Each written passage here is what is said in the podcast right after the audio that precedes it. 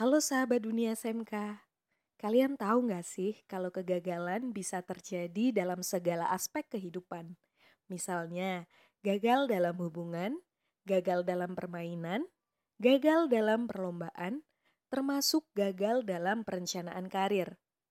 Banyak hal yang bisa kamu lakukan untuk meminimalisir terjadinya kegagalan dalam perencanaan karir. Salah satunya dengan mempunyai hobi yang dapat menunjang karirmu. Menurut Kamus Besar Bahasa Indonesia, hobi diartikan sebagai kegemaran, kesenangan istimewa dalam waktu senggang, dan bukan pekerjaan utama. Sedangkan karir diartikan sebagai perkembangan dan kemajuan kehidupan, pekerjaan, jabatan, dan sebagainya. Atau juga bisa diartikan sebagai pekerjaan yang memberikan harapan untuk maju. Berdasarkan definisi tersebut, sudah jelas bahwa hobi dan karir adalah dua hal yang berbeda. Ada yang menjadikan hobi sebagai pekerjaan utama, dan ada yang menganggap hobi sebagai sebuah kegiatan untuk bersenang-senang semata.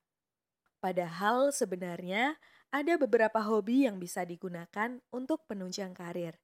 Contohnya yang pertama, hobi yang dapat menghasilkan uang. Hobi ini sifatnya harus passive income. Jadi, meskipun kamu sibuk dengan pekerjaan utama, kamu tetap bisa menghasilkan uang dengan hobi ini. Contohnya, menjadi konten creator di sosial media, menjadi weekend freelancer sebagai penulis lepas, jasa desain, fotografer, atau penyanyi wedding. Kamu juga bisa mencoba hobi investasi dan mengajar dengan membuka les private atau menjadi konsultan. Yang kedua, hobi yang dapat mengembangkan wawasanmu. Jika kamu memiliki wawasan yang luas, maka perencanaan karirmu juga akan berkembang, bukan?